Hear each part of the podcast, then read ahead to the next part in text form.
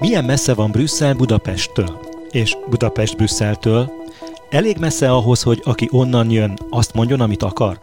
Talán ezért is sok az egymásnak ellentmondó információ, értesülés, beszámoló pártállástól függetlenül. Hogy tisztában lássunk, állandó brüsszeli tudósítónk segítségével első kézből adunk hírt a magyar kormány és az Európai Unió intézményeinek viszonyáról, az aktuális ügyekről és döntésekről, közérthetően, tényszerűen és hitelesen.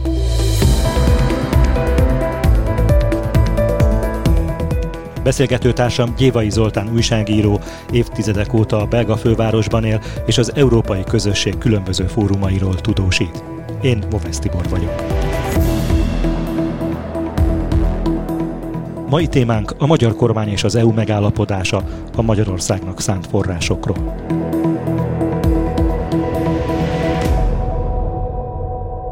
Az első hírek arról érkeztek a hét elején, hogy a nagyköveti tanácsban született a megegyezés a Magyarországnak szánt forrásokról. Milyen szintje az egyeztetéseknek a nagyköveti tanács? Hol áll ez a folyamatban? A nagyköveti tanács az gyakorlatilag kihagyhatatlan szint, és talán legfontosabb fóruma az Európai Uniós döntéshozatalnak, legalábbis a tanácsi oldalon, ha úgy veszük, hogy különböző szinteken történik a, a dossziéknak a megvitatása, akkor van először mindig van egy munkacsoport.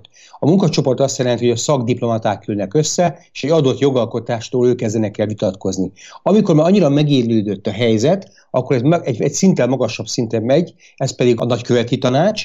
Innen a nagykövetektől már, ha szükséges, akkor innen egyenesen megy a miniszteri tanács elé a, a különböző dossziéknak a kezelése, legyen azt a döntéshozatalról, vagy pedig a dolgoknak a megvitatásáról. Ebben a miniszteri tanácsban a szakminiszterek vesznek részt az tagországokból. Így van, igen. igen. És ez is különböző formátumokban ül össze. Tehát van, amikor a belügyminiszterek vannak, vannak az igazságügyminiszter, attól függ, hogy, hogy mit hirdetnek meg. Van ilyen úgynevezett TTE, az azt jelenti, hogy a távközlés, közlekedés és az energia, ez külön tanácsi alakulatot jelent, van külön a szociális foglalkoztatáspolitikának, miniszter, van az agrárminisztereknek is találkozik, és a pénzügyminiszterek, ugye azokról mostanában egy sokat hallhattunk a, pont a magyar pénzügyi csomag kapcsán. Még mielőtt beszélnénk a magyar pénzügyi csomagról, illetve magáról az egyességről, szerepet játszhat ebben a megállapodásban az, hogy pár nappal korábban az EU tanácsa megtalálta a módját a magyar vétó megkerülésének? Úgy gondolom, hogy igen, hiszen ez leegyszerűsítette a helyzetet és fokozta a nyomást, fokozódó nyomás alá helyezte a magyar felet, hiszen úgy vesszük, hogy volt négy téma a csomagban, az asztalon. Ez volt tulajdonképpen a magyar miniszterelnöknek, de mondjuk alkupozíció szempontjából az ő kezében a legerősebb lap az volt, hogy az ukrán makrofinanszírozási támogatást, ahogy az Európai Bizottság javasolta, és ahogy 26 tagállam számára elfogadható volt, Magyarország azt mondta, hogy az úgy abban a formában nem. Ez pedig nagyon fontos lett volna mindenki számára azért, hogy Ukrajna időben és stabilan hozzáférjen majd a pénzekhez. Viszont ezért ezt tette a, a, a tanács, hogy fokozza a nyomást a magyar miniszterelnökre a megállapodás érdekében, hogy gyakorlatilag létrehoztak egy B-tervet, az A-terv is működőképes, de ez a két terv egyébként egymástól függetlenül is képes működni. Tehát a B-terv ott volt már gyakorlatilag az asztalon, amikor a nagykövetek leültek a tárgyalóasztalhoz, hogy megpróbálják megalkudni a csomagról. És láthatóan mint szűkítette a magyar mozgásteret, ez hozzájárulhatott a gyorsabb megállapodáshoz. Beszéljünk ennek a BTF-nek a technikájáról, hogyan néz ez ki. Arra gondolok itt, hogy hogyan lehet megkerülni ezen túl bármilyen vétót. Sokféle technika van egyébként. Ugye úgy, hogy eltekintenek az eredeti tervtől, ugye erről beszéltünk, hisz az eredeti terv az lett volna, az egyhangú döntést igényelt volna, hogy megváltoztatják a többéves keretköltségvetést, annak érdekében, hogy Ukrajna hozzájusson az adott keretek között a finanszírozáshoz. Úgy kerülték meg ebben az esetben a magyar vétót, hogy három elemből álló csomagnak a második része nem egyhangú döntést igényelt volna, egyszerűen ezt szavazásra bocsátották, és ez azt jelentette igazából, hogy Magyarországot kisebbségben maradt, a többiek minősített többséggel elfogadták a csomagot, lehetővé téve azt, hogy egy másfajta modell mellett, ez a másfajta modell azt jelentette volna, hogy a tagállamok adják a garanciákat, és nem az Európai Unió költségvetése, gyakorlatilag ugyanazt az eredményt el tudják érni, még hogyha lassabban és bonyolult módszerrel is. Egy technikai kérdés sokszor az, hogy hogyan lehet egy vétót megkerülni, az is egy megoldás, a britek esetében erre volt példa korábban, amikor Nagy-Britannia még az Európai Unió tagja volt, hogy ebben esetben egyszerűen az Európai Uniós kereteken kívülre vittek egy kezdeményezést, mondjuk létrehoztak egy alapot az Európai Unión kívül az EU 26-oknak, vagy akkor még 27-eknek ugye a támogatásával, és akkor el lehetett tekinteni ebben az esetben a brit vétótól, a Britanniának nem kellett részt vennie benne, és mégis megvoltak ezek a megoldások. Tehát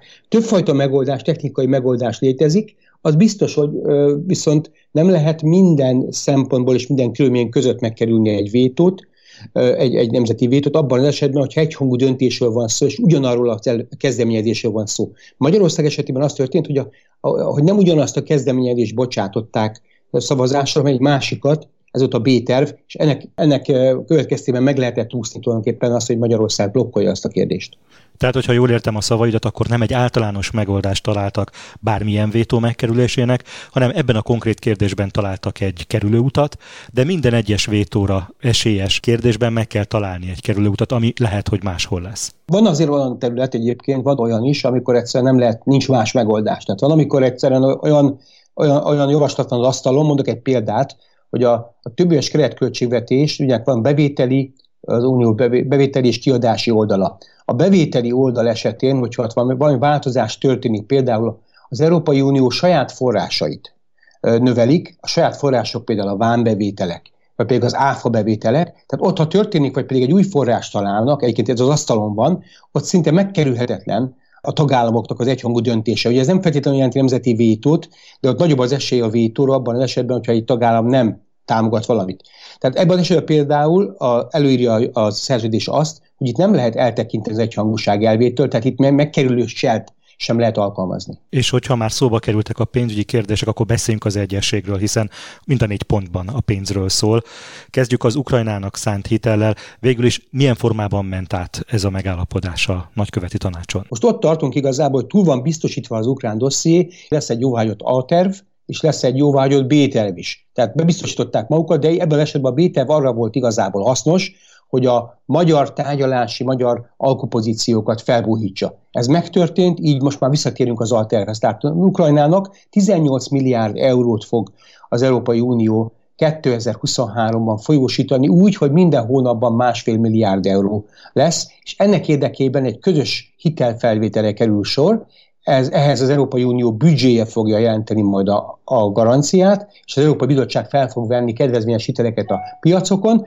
Tíz éves futamidőre fogja Ukrajna kapni azt, úgy, hogy a kamatokat a tagállamok fogják majd kifizetni. Azt meghatározták, hogy mire fordíthatja Ukrajna ezt az EU-s forrást? Igen, ez kifejezetten egyébként az ukrán költségvetési kiadásoknak a finanszírozásáról van szó. Magyarán a nyugdíjak, a munkabérek finanszírozása a közférában, számos közféra által nyújtott szolgáltatásnak a finanszírozása, azért, hogy az ukrán állam a háború körülményei között is működni tudjon. Nem csak az Európai Unió fog egyébként ehhez hozzájárulni, a Világbank és az ukrán kormány néhány hónappal ezelőtt egy a 4 milliárd, havi 4 milliárd euróra tippelte azt az összeget, amire szükség lenne ahhoz, hogy Ukrán, Ukrajna működni tudjon, az ukrán intézmények működni tudjanak, és a kifizetések menjenek. Ebbe Ebben a 4 milliárdba tesz most be az Európai Unió majd másfél milliárdot, az Egyesült Államok és több más ország, Kanada, Japán, meg akik még Ausztrália és mások, akik még részei ennek a nyugati koalíciónak, ők is hozzá fognak járulni ahhoz, hogy, hogy illetve a pénzügyi intézmények is, hogy Ukrajna működni tudjon. Röviden beszéljünk a másik három pontról is, ami átment ezzel a megállapodással.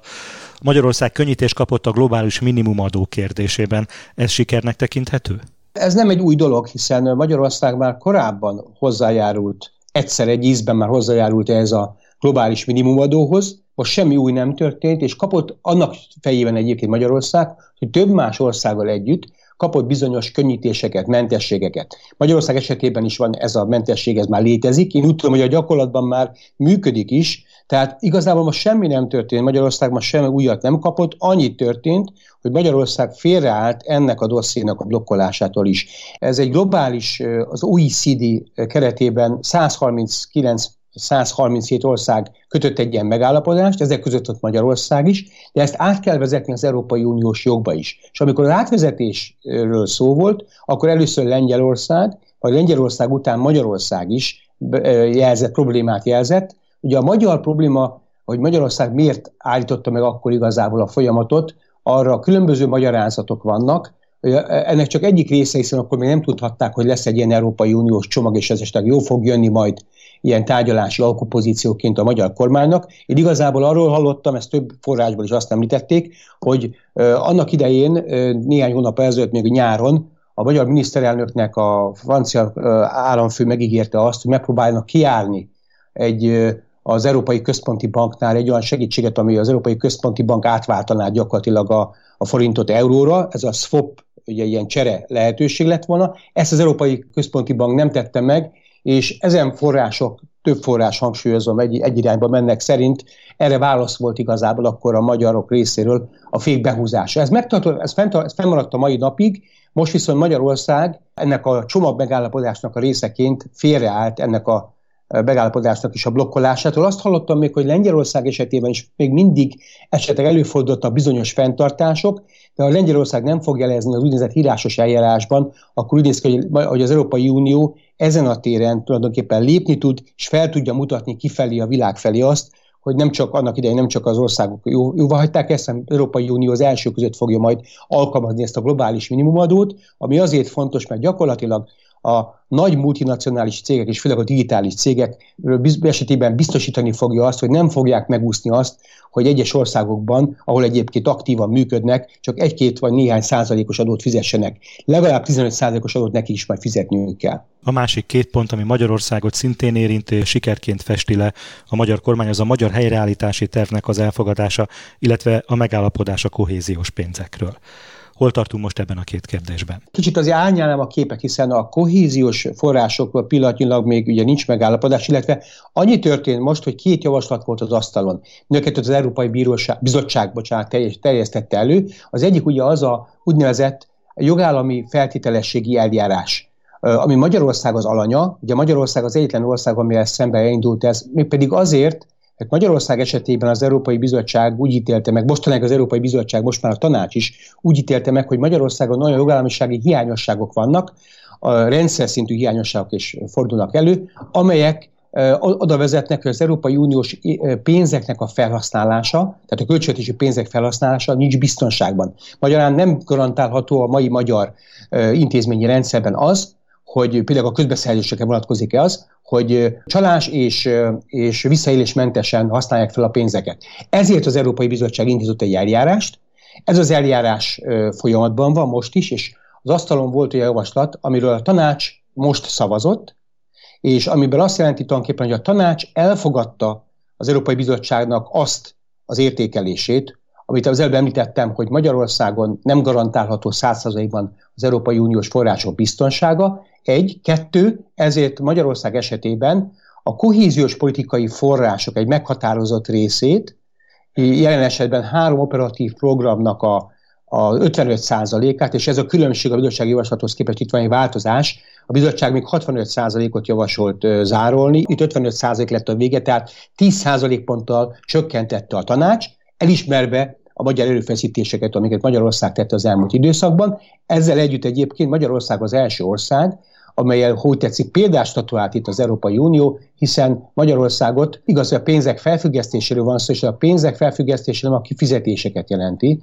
hanem a pénzügyi kötelezettségvállalásokat, ami azt jelenti, hogy ha Magyarország meg fog felelni mindennek, akkor az eljárás is megszűnhet, és ez a blokkolás, ez a zárolása a pénzeknek is megszűnhet. Tehát igazából azt mondom, hogy ebben a pillanatban ennek van jelentősége, hiszen ez egy pénzügyi szankció, de olyan pénzügyi szankció, ami nem azonnal üt. Akkor üt csak majd, hogyha Magyarország esetleg nem lesz képes megfelelni azoknak az elvárásoknak, amelyeket az eljáráson belül támasztottak vele szemben. A helyreállítási terv jóváhagyása ennek a csomagnak a negyedik eleme, és itt egy igazából tulajdonképpen simában mentek a dolgok, hiszen az Európai Bizottság másfél év tárgyalások után a helyreállítási tervet jóváhagyta Magyarországnak. Ez azt jelenti, hogy Magyarország egyelőre csak papíron, van egy ígérvénye a magyar kormánynak arra, hogy 5,8 milliárd euró visszanemtétendő támogatást kap, ebben a korona alapon belül, ugye amit RF-nek szoktunk itt nevezni, helyreállítási alapon belül, 2026 végéig. Viszont ez nem jelenti megint csak azt, hogy Magyarország azonnal és minden feltétel nélkül hozzá fog jutni ezekhez a forrásokhoz. Ennek a forrásnak már az első 800 millió eurós hányada, ami körülbelül a március környékén lehetne hozzáférhetővé tenni Magyarország számára, ezért nagyon sokat kell dolgozni a magyar kormánynak. 27 feltételt, nem kevesebb, mint 27 feltételt úgynevezett mérföld, szuper mérföldkövet állapított meg az Európai Unió, ezt is egyébként jóvá hagyta most, a mostani alkuban jóvá hagyta a tanács, tehát Magyarországnak nagyon komoly feltételeket kell jóvá hagyni egészen április végéig ahhoz, hogy valamikor legkorábban június környékén megkaphassa az első kifizetéseket ebből az alapból.